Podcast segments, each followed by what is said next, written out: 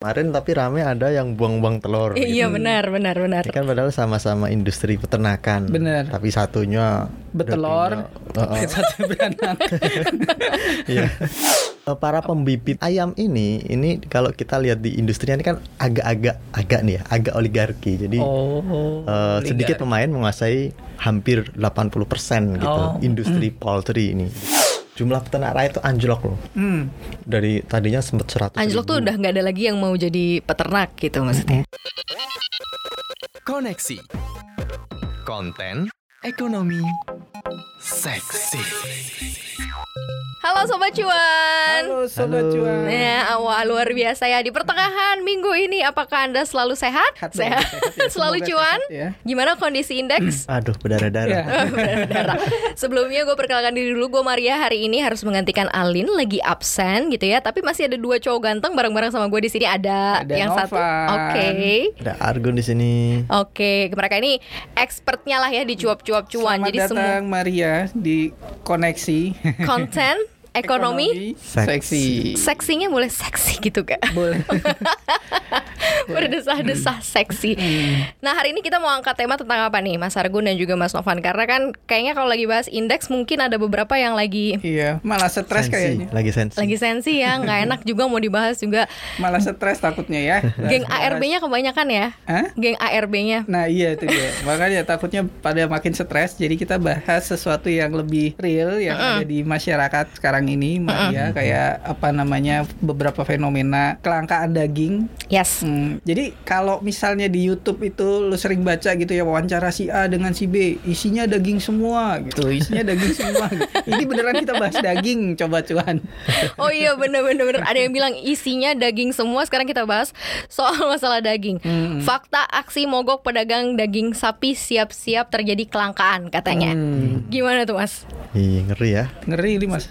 Sapi langka. Kemarin tapi rame ada yang buang-buang telur. Eh, iya benar benar benar Ini kan padahal sama-sama industri peternakan. Bener. Tapi satunya Betelor, satu beranak. Iya. nah, yang telur dibuangin, tapi yang beranak yang sapi, nah itu di eman kalau orang Jawa bilang karena Iya, harganya lagi tak mahal gitu. Ya ini menurutku agak ini ya Indonesia ini unik padahal kita itu kan pasar industri peternakan terbesar di Asia Tenggara gitu. Hmm, Jadi, Tapi kenapa fase kelangkaan tuh selalu ada gitu loh mas? Terakhir kan kita bahas tempe, tahu lah gitu. Terus sekarang ke apa namanya telur lah, daging lah gitu. Kayak ada gitu selalu ada fase kayak gitu di Indonesia tuh. Kalau dicermati lebih jauh lagi ditelusuri pangkal-pangkalnya ya ini persoalan eh, ketergantungan impor. Hmm, mm, mm. Karena Oh. kalau kita bicara soal industri peternakan sapi, sapi masih impor, pakannya masih impor. Kita bicara industri peternakan ayam, mohon maaf, Pakannya. juga masih impor. Bahkan eh, sebagian dari bibit ayam yang apa namanya anak-anak ayam yang masih kuning-kuning itu Di yang old chicken itu ya? Oh, da- ya, di old apa ya? Chicken itu di, Di OC, itu juga ada yang impor gitu. Ah. Eh, di sisi lain ya kalau kita bicara tempe tadi yang sebut disinggung Maria, ya bahan bakunya kedelai. kita produksi kedelai berapa? Ad- hampir nggak ada gitu. Berapa persen lah? 3-4 persen dari kebutuhan gitu.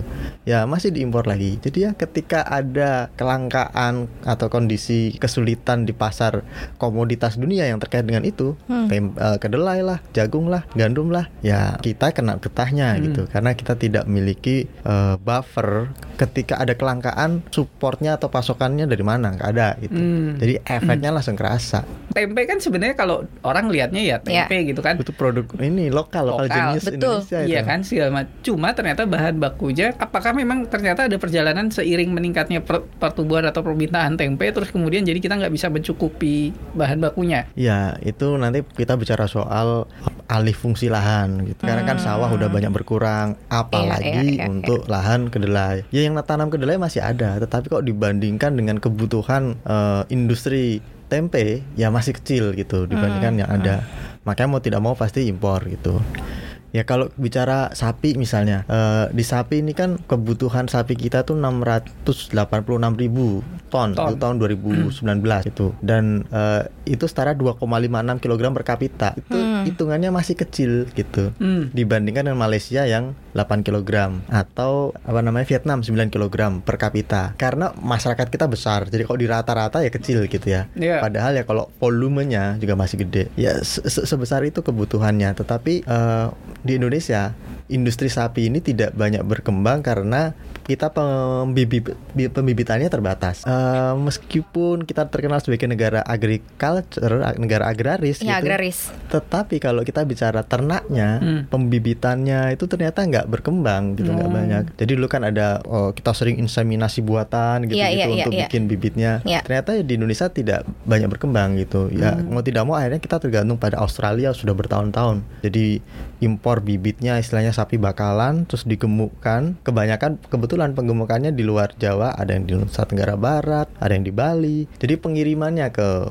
pusat-pusat kota di yang menyerap sapi terbanyak dagingnya itu ya Indo- eh, kita bicara DKI ya kan ya udah pengirimannya panjang lagi gitu supply chain-nya eh, bercabang banyak sekali jadi ya harganya makin mahal Tapi demandnya sebenarnya sejauh ini pun masih cukup kuat nggak sih sebenarnya daging sapi? Kalau kita bicara dulu kan tahu tempe itu kan emang makanan uh, setiap hari Iya, ya mm-mm. masyarakat Indonesia dan begitu tahu faktanya bahwa ternyata permasalahan dari bahan bakunya itu adalah uh, dari China, which is Mm. yang dari China itu ternyata tuh waktu uh, apa namanya bahan bakunya itu adalah bahan baku pakan ternak babi. Jadi untuk uh, di apa namanya di Dikonsumsi. uh, uh, dikonsumsi ke kita tuh kita merlawanannya sama babi di China gitu Oh. itu yang membuat kemarin tuh sempet langka gitu langsung loh dari mulutnya Pak M Lutfi loh ngomong begitu gitu tetapi Hmm. katanya dia tetap jaga sih pasokan walaupun harga tetap tinggi tapi ya sebagai Iya, iya, iya. ibu-ibu yang melihat ke pasar secara langsung sih cukup waktu itu cepet eh, cukup mahal juga Iya, Padahal dulu tempe itu terkenal lauk yang paling udah nggak ada pilihan lagi. tempe lu Oh, makan Adanya tempe, adanya tahu. Iya. Sekarang itu jadi mahal. Sesuatu yang mahal gitu malah barang mahal. Heeh. kalau Terus daging barang murahnya apa? itu dia. Kalau daging sapi itu berarti sekarang udah nggak momentum lagi. Kalau dulu kan kayaknya oh langka mau lebaran karena harganya naik gitu ya. Seasonal ya. Kalau sekarang kan seasonal ya bener ya Mas. Kalau sekarang tuh kayaknya udah ya sapi ini lagi langka eh, bukan langka sih A- ada tapi mahal harganya Hmm. gitu. Karena ke- eh, efek kebijakan di Australia. Jadi Australia itu lagi melakukan restocking istilahnya. Jadi mereka sapinya kok terlalu banyak yang di, diekspor gitu. Nah perlu dikembalikan lagi nih eh, rasionya buat pembibitan dan buat yang diekspor. Maka eh, sapi-sapi bakalan yang harusnya bisa diekspor sama mereka ditahan. Hmm. gitu buat nanti biar bisa berkembang biak lagi jadi pembibit baru lagi. Iya, Karena iya. kalau mereka ekspor malah mereka yang akan kesulitan nanti ke depannya gitu kan ya. Jadi ada rasionya kalau nggak salah sepertiga gitu harus tetap ada di negara mereka gitu untuk pembibitan. Nah itu katanya udah mendekati batas itu makanya eh, kemudian dibatasi. Nah karena dibatasi ya akhirnya kita yang menyerap produk sapi dari mereka eh, bersaing gitu. Dan mereka akhirnya siapa yang mau ngambil dengan harga yang lebih tinggi ya sini saya kasih gitu. Hmm. Jadi posisi tawar kita rendah gitu. Iya, iya, iya, iya. Nah, akhirnya harganya meningkat dan ketika harga di apa namanya, sapi pembibitan itu meningkat ini sudah berlangsung sejak tahun lalu gitu. Ya efeknya kemudian terjadi sampai sekarang gitu. Kalau menurut apa namanya eh, asosiasi itu kan gas eh, Gapus Pindo itu emang eh, harga udah udah naik sekarang. Kalau dulu itu kita eh, ngimpor sapi itu eh, harganya rata-rata itu sekitar dua setengah sampai 3 dolar Hmm. per kilogram Hmm. dari bobot sapi itu yang hidup gitu ya. Dihitung aja ntar bobotnya berapa. Tapi per kilogramnya sekitar itu. Tapi karena kebijakan pembatasan itu Austra- Australia akhirnya harganya udah jadi naik gitu. Karena tadi yang yang bu- butuh banyak tapi pas pemasoknya masih dikit gitu kan Eh, tidak berimbang supply and demand akhirnya naik jadi kisaran 4 kilogram. Hmm. dari 2 sampai dua setengah sampai 3 menjadi 4 kilo per kilogram. Tapi kan sapi ratusan kilogram gitu ya Iya.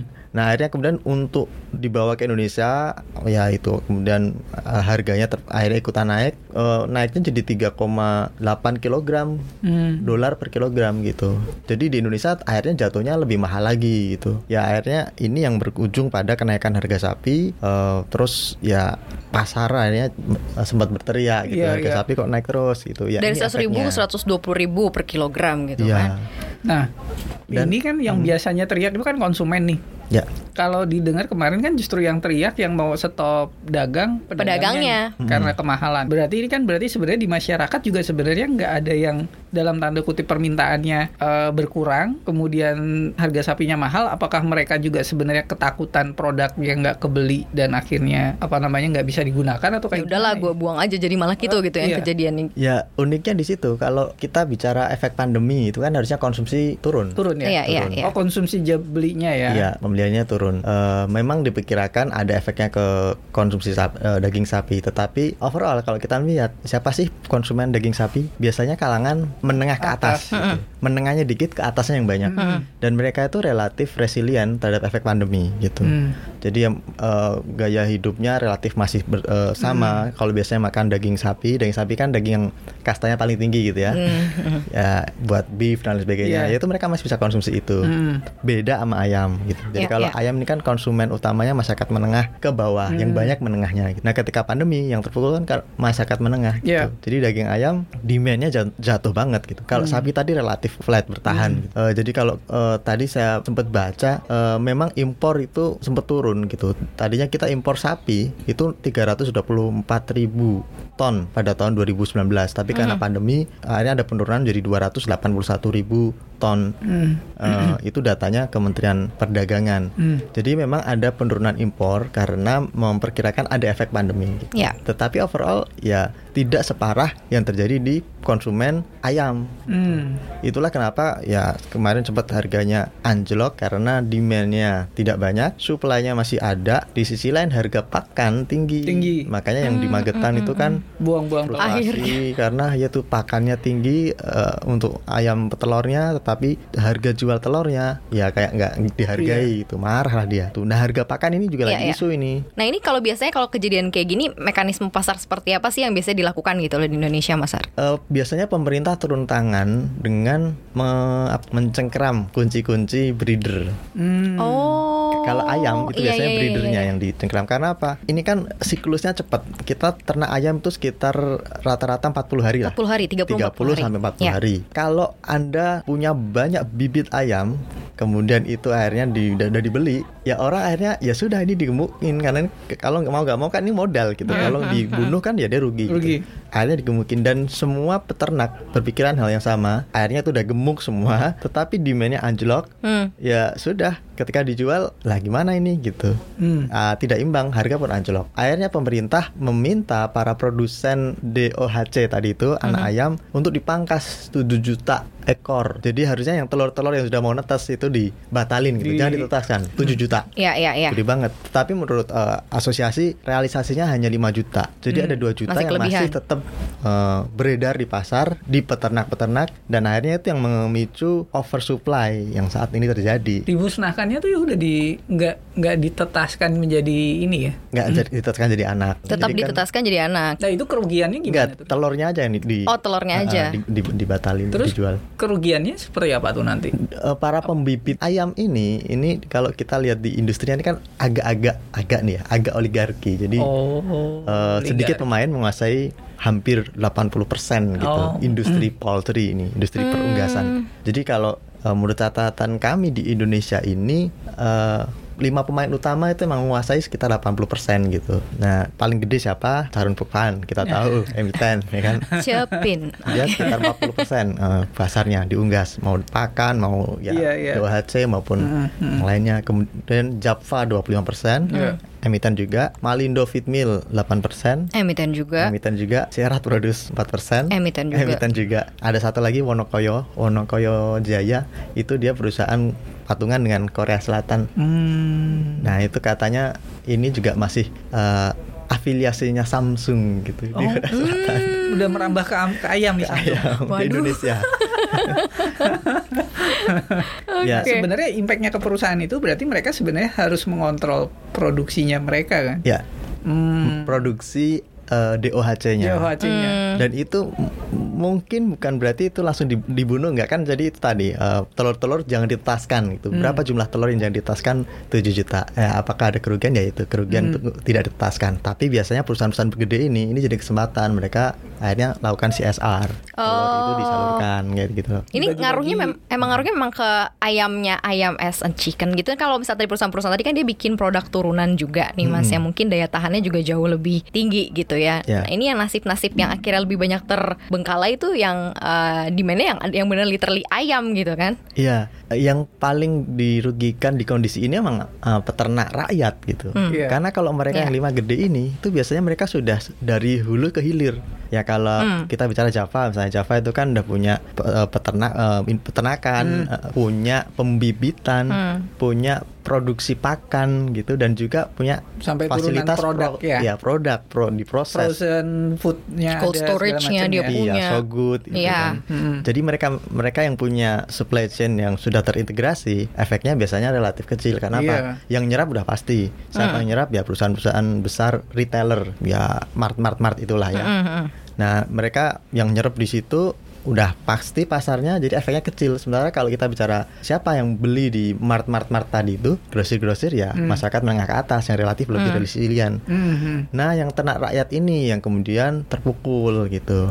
Karena biasanya mereka mendapatkan berkah dari restoran. Iya, Iya, iya. betul. Tahan restoran meningkat, ya mereka yang masuk. mereka yang pasok langsung Ya. karena restoran juga merasa lebih murah ke peternak-peternak eh, di daerah gitu ya Iya. ternak rakyat ya Konsumsi Dan- rumah tangga juga gitu ya. eh, konsumsi rumah tangga. Kalau ada pesta-pesta, kalau ada apa namanya catering buat acara apa gitu, Mhm. ya itu ayam dan telur pasti ada di situ kan. Gitu. Mm-mm. Tetapi sekarang kan ada PKM, M, PSBB sudah berbulan-bulan, ya acara-acara yang besar hajatan-hajatan, restoran juga dibatasi, akhirnya anjlok lah ini permintaan. Yang masih relatif aman ya yang di pasar-pasar atau yang di gerai-gerai besar tadi itu, Hmm. ayamnya masih ada, tapi yang masuk udah biasa kelihatan gitu, yang masuk di pasar be- besar ya perusahaan besar-besar gitu. Mhm, mhm. Itu makanya yang sekarang teriak-teriak nih para peternak ayam maupun telur.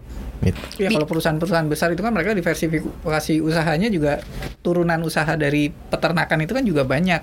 Mm-mm. Jadi mereka tinggal mainin tombolnya aja kan kasarannya. oh kalau ini yang harus di diredam berarti dialihin ke sini Iya. gitu kan. Iya. Sementara yang ke pepet yang di peternak ayam yang Mas Argun mention tadi ya. Akan ada stabilisasi harga lagi nggak sih? Maksudnya akhirnya nanti balik lagi ke normal gitu, normalisasi awal gitu, atau memang akan begini gitu trennya mas dengan harga saat ini? Ya ada upaya stabilisasi tapi kan tadi belum efektif. Kemudian kalau mau menstabilkan lebih jauh kembalinya ke isu pakan gitu. Iya. Balik lagi ke situ ya, Ya, sekarang ujung-ujungnya ini ya. kan bahan utama pakan baik ternak ayam maupun ternak sapi itu gandum. Iya, iya.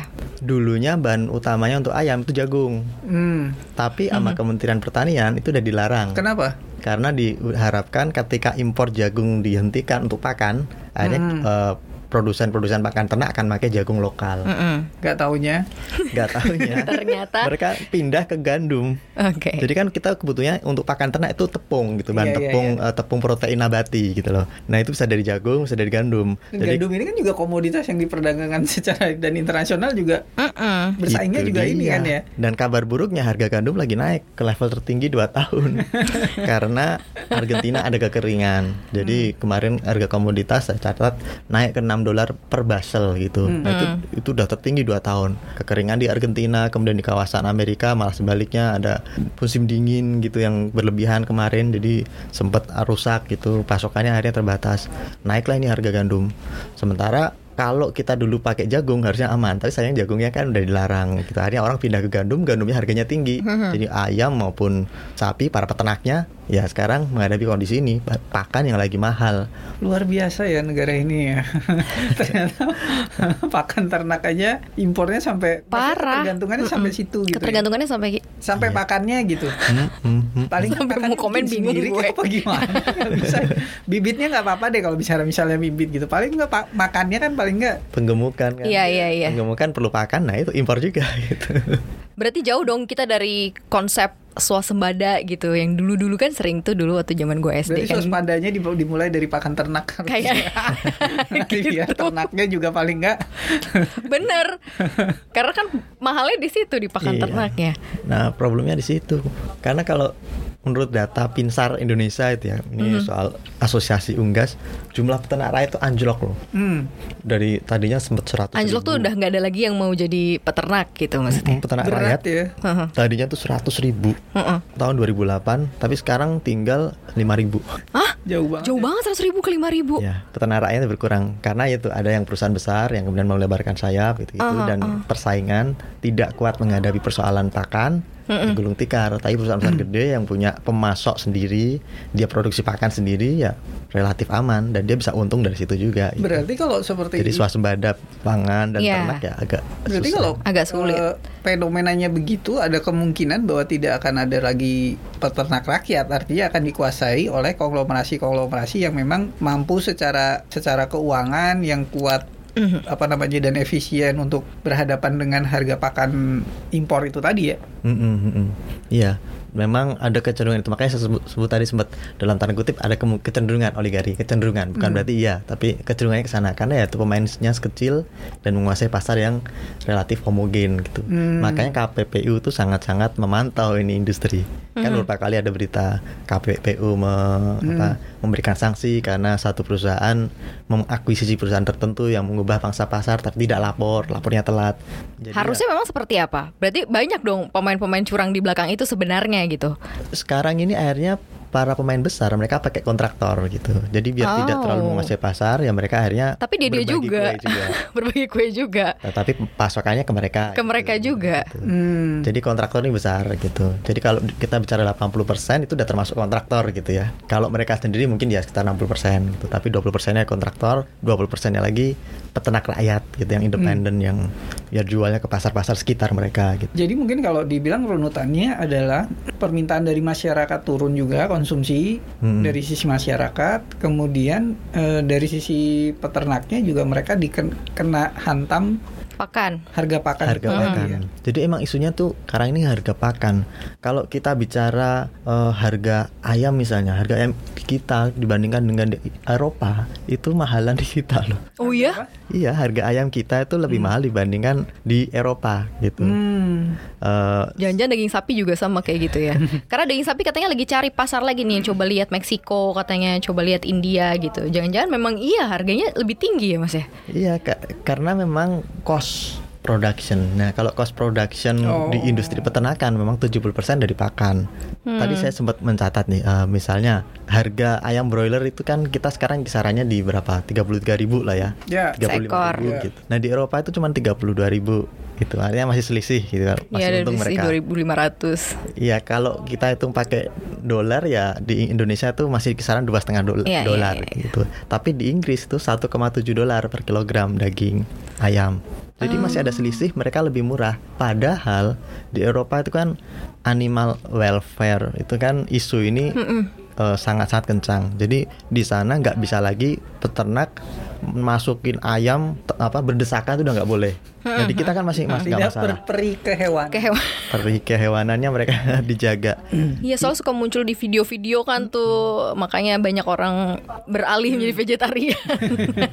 Nah meskipun ada ketentuan itu yang seharusnya seharusnya secara bisnis nggak bagus, itu mereka harga jualnya bisa lebih murah. Kalau bicara harga eh, harga apa namanya tarif eh, tarif gaji lah gaji, gajinya juga lebih rendah kita gitu. Tetapi kenapa harga harga ayam kita lebih mahal dibandingkan di Eropa atau di Inggris tadi misalnya? Ya itu karena pakan. Di Amerika, di Inggris itu mereka punya pasokan utama untuk industri ini yang pakan tadi kedelai, mereka swasembada bahkan Iya. ekspor. Eropa kayak gitu mereka kok eh, ini juga masih produksi kedelai loh kayak gitu. Berarti harusnya kayak bulog juga ngurusin pakan ternak bisa kali ya.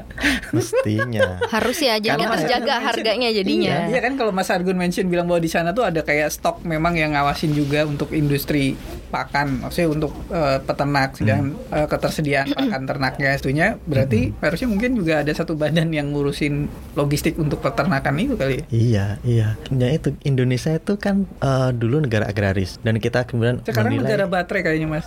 Gua lebih Ah, mungkin gak sih ada hilirisasi juga tuh di peternakan, Mas. Menurut lo, jadi ya udah gitu, hilirisasi juga gitu. jadi produk-produknya nggak cuma baterai kan kalau sekarang. Iya karena dicekokin baterai baterai beritanya terus tuh baterai baterai baterai gitu kan sampai ke emitennya pun emiten emiten Iya, benar-benar. Pak iya kita negara agraris mungkin negara baterai. Nah itu dia. Bahkan ya gimana sih negara maju aja masih menjaga pertanian mereka ya kan. Amerika yang negara adidaya pertaniannya tuh masih dijaga gitu. Iya. Masih ada subsidi buat pertanian mereka dan Bahkan- itu alasan mereka mereka bilang subsidi ini jangan dipersoalkan karena industri pertanian adalah industri yang sudah eh, apa ibaratnya mereka bilang fosil gitu lah. Iya. Industri yang sudah tua yang harus dijaga gitu. Karena antik. Sementara kita ketika ngasih subsidi kan dulu pernah dipersoalkan. Dan kalaupun industri pertanian itu kemudian dilempar ke pasar dan kita juga nggak prepare atau nggak disiapin juga sama kayaknya juga nggak akan ada hidup karena negara-negara besar juga mensubsidi para petani-petaninya ya. Exactly. Karena mungkin kesadaran bahwa subsidi yang diberikan itu juga bentuk ya, investment pemerintah untuk mengamankan pasokan pangan sebenarnya. Iya, Paling benar. tidak dari dalam Benar. negeri gitu. Iya, pasokan pangan dan industri yang ditunjangnya. Mm-mm. Gitu. Kalau di Indonesia nggak seperti itu, Mas. Enggak, kita Oke. kan bahkan beras aja impor gitu Iya. ya. Jadi antara kebutuhan dengan supply-nya tuh masih timpang. Apakah nggak ada kedelai? Ya ada. Apakah nggak ada jagung? Ya ada gitu. Gorontalo ya kan pusat jagung. Tetapi Gorontalo saja tidak cukup memasok untuk kebutuhan 265 juta dan juga kebutuhan ayamnya yang kalau kita eh, terakhir kalau nggak salah 3 miliar, 3,8 miliar ayam broilernya gitu. Hmm, hmm. Jadi 14 kali lipat dari populasi Indonesia itu ayamnya segitu sebanyak itu 3,8 miliar ayam broiler dan mereka makannya dari mana ya dari pakan yang dibikin dari dedak, dedaknya dari tepung, maizena yang dari jagung, bisa juga dari gandum gitu. Dan selama industri pertanian kita itu tidak dijaga, ya selama itu pula industri peternakan kita lebih mahal dibandingkan dengan negara lain. Hmm. Gitu. Berarti kalau hasilnya erat banget ya pertanian dengan peternakan itu sudah pasti ya. Sudah pasti. Kita ada pasar luarnya nggak sih mas dengan adanya oversupply gini? Maksudnya kita ekspor nggak sih eh, ternak-ternak kita ini untuk misalnya untuk serapan juga? Apa karena memang harganya nggak kompetitif jadi akhirnya ya udah gitu diserap di domestik aja? Ya memang kalau produk olahannya sih ada yang mulai diekspor tapi nilainya tidak seberapa dan itu kalau ditimbang-timbang di neraca perdagangan masih defisit dibandingkan dengan impor yang Oh. harus terjadi untuk sapi misalnya atau untuk DOHC kayak gitu. Jadi ya memang ini sektor belum bisa jadi andalan penghasil devisa gitu. Bahkan untuk nyukupi kebutuhan dalam negeri saja kita masih tersengal-sengal ibaratnya gitu. Jadi ya aduh ini akan terus berulang. Tahun-tahun lalu kita udah pernah loh ada kendala ini kan. Iya, Eh, iya. harga ayam anjlok gitu. Waktu itu isunya sama karena bibit ayam terlalu banyak beredar. Hmm. Peternak-peternak juga kemudian akhirnya mereka ya menggemukkan itu bibit-bibit ayam, tetapi suplainya lebih tinggi ya dibandingkan dengan demand yang ada. Demandnya saat itu tetap gitu. Hmm. Tahun 2019 ini bulan April kalau tidak salah. Tahun 2020 ada pandemi anjlok harga ya karena demandnya turun dan sekarang juga kita masih me- melihat efek tersebut. Kalau perusahaan besar itu mereka bikin bibitnya, bikin pakannya itu dijual dan mereka berharap itu peningkatan ada peningkatan di pos-pos itu. Eh ada added value-nya gitu ya? Iya, jadi penjualan pakannya meningkat, penjualan bibit ayamnya meningkat.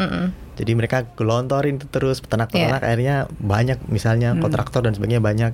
Tetapi yang dilupakan yaitu kalau kebanyakan bibit yang dikembangkan sementara pasarnya lagi kena pandemi, eh, demandnya ya anjlok. Iya Dan pada akhirnya yang kena adalah para peternak itu tadi. Kalau mereka mau udah dapat keuntungan dari penjualan bibit dan pakan gitu. Mm-mm. Tapi kalau risiko dari oversupply ini yang kena adalah eh, peternak di di dekat end user itu, Hmm.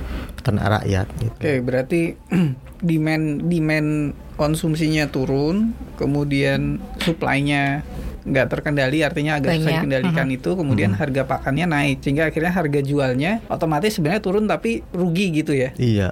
Hmm. Harga jualnya harga jualnya naik tipis gitu Iya. kali ya? Iya, Karena ayam. dia harus beli pakan yang memang Nah. tinggi juga gitu. Iya, tapi karena demandnya nggak ada untuk ayam, ya Uh-uh. sudah anjloklah harga. Anjloknya tapi harga. kalau sapi, ya karena demandnya masih relatif terjaga, yang terjadi ya kelangkaan gitu. Hmm. Karena demandnya tetap relatif ada meskipun menurun, tapi ya dibandingkan dengan supply-nya yang masih terbatas, ya akhirnya terjadi eh, yaitu kenaikan harga di sapi. Hmm, kalau kalau persoalan kelangkaan ini biasanya apa yang dilakukan? Kalau tadi kan ada PR-nya untuk eh, pertanian atau peternakan ayam Hmm. gitu ya. Kalau di daging sapi ini, kalau beberapa sih yang gue baca dia cari sih, cari-cari dari Impor beberapa ya? negara. Ah, coba cari gitu, coba Ya, lihat. Yang dilakukan adalah stabilisasi harga. Hmm. Nah, stabilisasi ini tuh sering kali diambil karena ini solusi yang Paling efektif tapi jangka pendek gitu. Iya. Dan ini akan berulang selama eh, struktur produksi dan konsumsi tidak berimbang. Hmm, gitu. Nah, sapi ini kan dulu selalu gitu, stabilisasi harga. Caranya apa? Digelontor pakai sapi impor gitu. Mm-mm.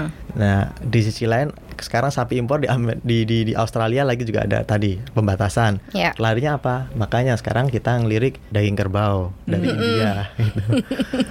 nah, apakah Dari itu efektif ya kita lihat saja gitu. Tapi ya sekali lagi itu nanti kalaupun efektif hanya berlaku untuk jangka pendek nanti harga akan stabil karena suplainya sudah berlebih gitu. buat kita sih itu udah cukup. Kita terlalu terbiasa dengan solusi jangka pendek. Solusi jangka pendek selesai udah. Udah lupa gitu Iya, ya. Bisa lupa. Ntar nongol lagi. Oh ya kemarin sebelumnya pakai ini, sembuh lagi udah selesai. Mungkin gak sih akan berkepanjangan karena kan kita akan menemukan fas apa momen-momen kayak puasa nanti Idul Fitri karena banyak juga statement yang mengatakan mungkin saja kelangkaannya akan panjang bahkan sampai hari raya Idul Fitri katanya. Ya kemungkinan sih masih ini ya masih ada oversupply. Kalau ayam aja ayam. Kalau ayam. Ayam itu eh, pada 2020 kemarin permintaan daging ayam tuh 2,7 juta ton, padahal proyeksinya 3,4 jadi Hmm. drop itu Berarti karena drop ya pandemi. turunnya. Nah tahun ini ya diperkirakan di kisaran 3 juta, tetapi ada oversupply karena produksinya diperkirakan 4 juta ton. Hmm. Uh. Ya ini kan maksudnya karena bibit-bibitnya itu masih masih masih banyak gitu yang dikembangkan, di, di digemukkan di ayam. Jadi kemungkinan ya oversupply masih terjadi di ayam panjang tahun ini. Hmm. Di sisi lain kalau di sapi ya mungkin nanti akan mulai ada harga yang stabil ketika Hmm. pemer- pemerintah mengambil langkah stabilisasi harga dengan impor dan Mm-mm. digelontor pakai daging kerbau gitu alternatif. Jadi memang kondisi ini ya Sampai kapan sih?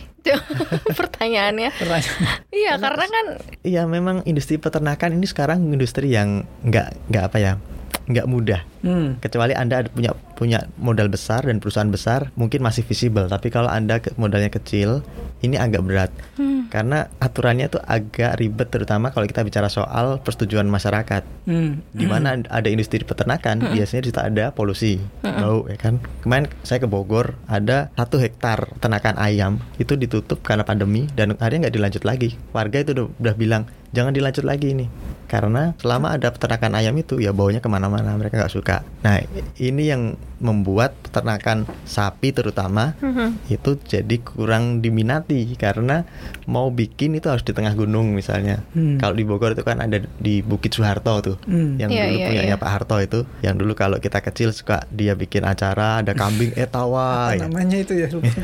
Itu peternakan itu, Iya, iya, itu di tengah bukit gitu, jauh dari masyarakat. Tapi kalau sekarang kan hunian udah di mana-mana, yang daerah deket-deket gunung atau ngarai dijadiin uh, properti atau mm, Hmm. perumahan karena view-nya bagus, harganya tinggi. Aduh. Orang mau bikin peternakan di sekitar situ udah pasti ditolak gitu. Jadi Iya. industri peternakan agak susah. Eh, makanya yang banyak berkembang cuma di Jawa Barat. Sekarang ini kalau kita bicara siapa yang in- provinsi dengan produk daging ayam tertinggi itu Jawa Barat. Ayam ya Jawa Barat ya. Ah, daging ayam. Tapi kalau telurnya Jawa Timur gitu. Hmm. Bertelurnya di Jawa Timur. Ini, Nggak, ini di Jawa. Cuma- yang disuruh tahan berarti sebenarnya adalah yang di Jawa Timur ya. Yang kemarin rame itu, Heeh. yang di, di ya itu itu Jawa. Timur. Iya kan? Magetan itu Jawa Timur. Jawa Di Jawa Timur Ya kan. karena sentranya di situ. Hmm. Ya ampun. Bingung kan sobat cuan jadinya mau makan apa lu? Heeh. Tempe, tahu, mahal. mahal. jadi kalau dilihat akhirnya end up-nya ini akan jadi persoalan eh, PR aja gitu ya. Nanti mungkin bisa reda sesaat karena tadi short apa short term tadi kan udah mengambil keputusan yang sifatnya sementara atau jangka pendek. Habis itu udah muncul lagi gitu. Nanti besok akan lagi ada cerita yang sama begitu-begitu aja gitu ya Mas ya. Ya, eh, saya pikir itu akan kita hadapi tiap tahun. Ya, kita hanya bisa berdoa gitu kalau Aduh, ujung-ujungnya kok udah berdoa. Ya, kalau kata Pak Nggak Faisal. Basri kalau menghadapi kondisi ini ya udah berdoa saja. Kenapa? Karena pangkal persoalannya kan itu Iya. harga komoditas dunia, ke jagung, harga kedelai jadi pakannya. Nah itu kalau naik ya udah kita nggak bisa ngapa-ngapain gitu. Karena kita nggak memproduksi. Beda kasusnya kalau kita produksi.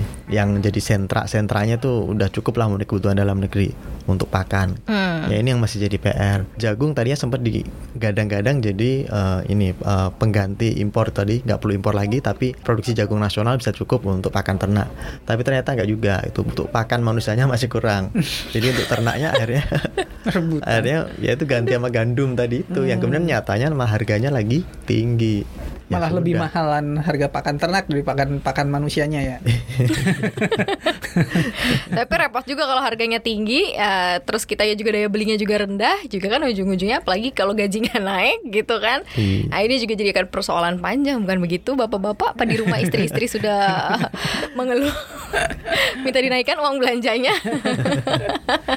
ini sangat menarik banget sih. Ini yang bisa di note apa nih mas berarti mas terkait mengenai ah, harga inilah ya, ah, harga khususnya untuk komoditas ah, peternakan lah ya, peternakan pertanian ini. Ya, saya pikir kalau dengan kondisi sekarang yang ideal sih kita kembangkan kembali revitalisasi pertanian dan perkebunan. Tetapi kalau realistis, ya itu kan agak susah ya. Eh, kita bicara soal industri perkebunan mau di mana lagi? Ya. Sekarang yang lagi hot sawit misalnya, Hmm, hmm. jagung orang udah gak banyak minat. Oke, andaikan kita sulit untuk merevitalisasi pertanian, tidaknya dari sisi pasokan pakan ternak, bahan baku pakan ternak jangan dipersulit. Hmm. Jadi cabut larangan impor jagung. Hmm. Itu kan diberlakukan tahun 2016. Itu kelihatan banget ketika jagung impor dilarang tahun 2016. Nah, impor gandumnya tuh naik. Hmm. 2000 2015 kalau data BPS impornya tuh cuma 7 juta ton. Berarti produk substitusi impornya naik. Iya, jadi 7 Nggak juta boleh. tahun 2015. Iya, iya. 2016-nya jadi 10,5 juta. Hmm. Lompatnya itu kan nggak kira-kira. Jadi apakah lompatan ini karena orang Indonesia tiba-tiba makan mie-nya lebih banyak? Enggak. Ini gandumnya pakai buat ternak gitu. Padahal gandum itu rebutannya sama negara-negara barat ya. Maksudnya masih negara-negara Eropa segala macam itu kan mereka juga ininya gandum ya. Iya.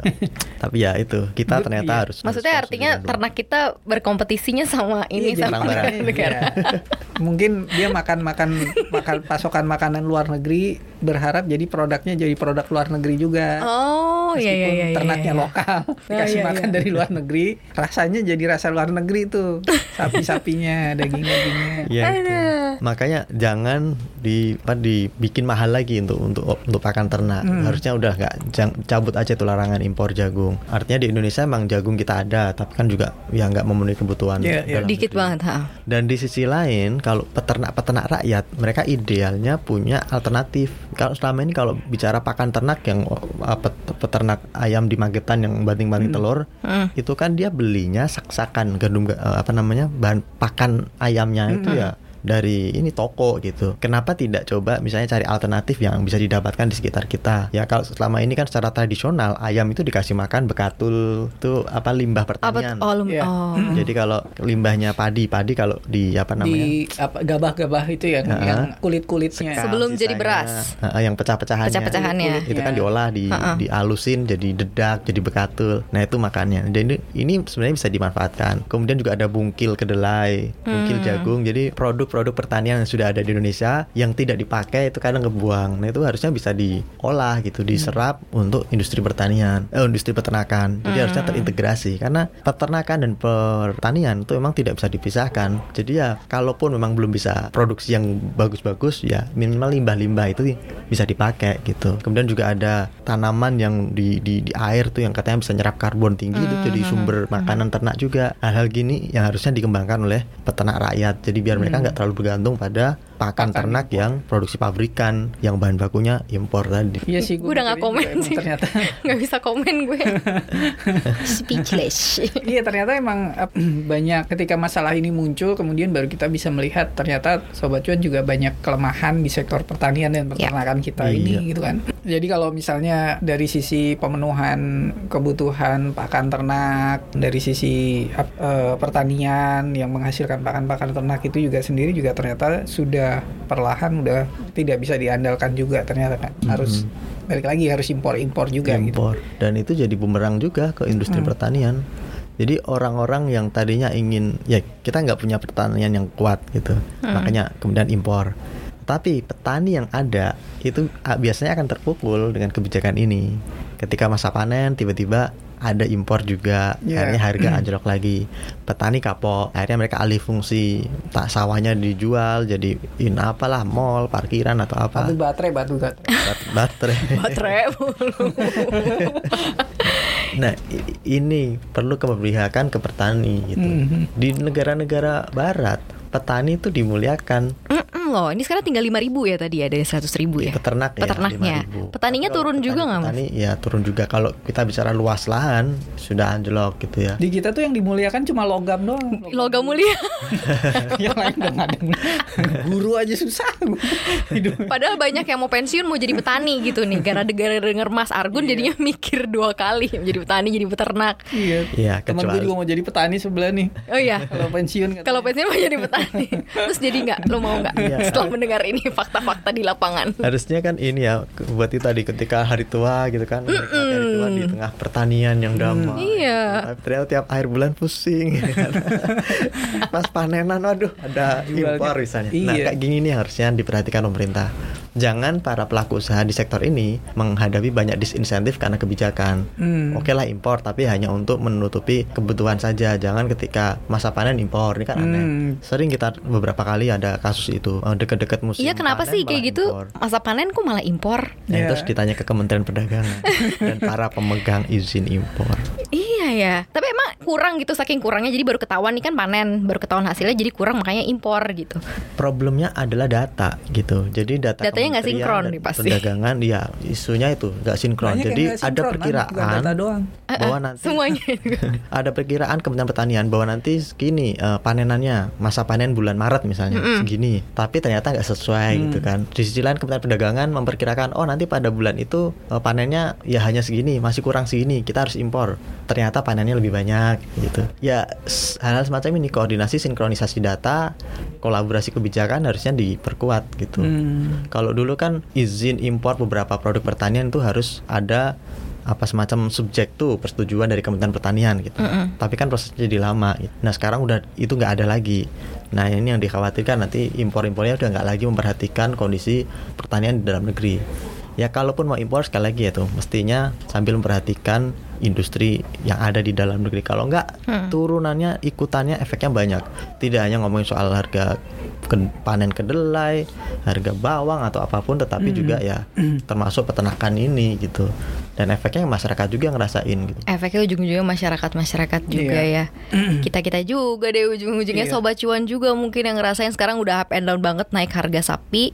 Harga sapinya udah naik gitu ya. Terus juga ayam eh, ya sabar-sabar gitu ya dengan kondisi yang tadi udah disampaikan oleh Mas Argun. Mungkin ada apa lagi Mas Novan, Mas Argun? Udah sih kalau gue sih Udah bilang ya? ya, ternyata Berhenti kita- makan ayam dan sapi.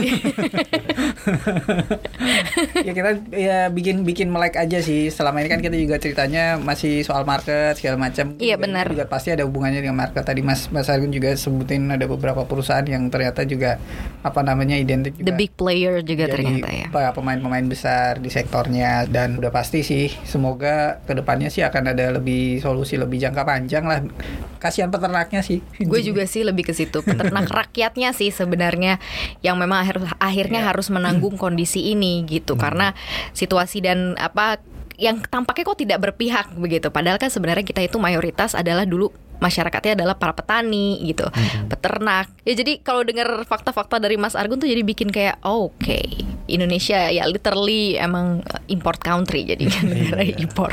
Terima kasih banyak ya Sobat Cuan Sudah meluangkan waktu untuk uh, dengerin koneksi, konten. Ekonomi seksi. Seksi. Kita pamit ya, Maria pamit. Novan pamit. Argun pamit. Bye, stay safe guys. Bye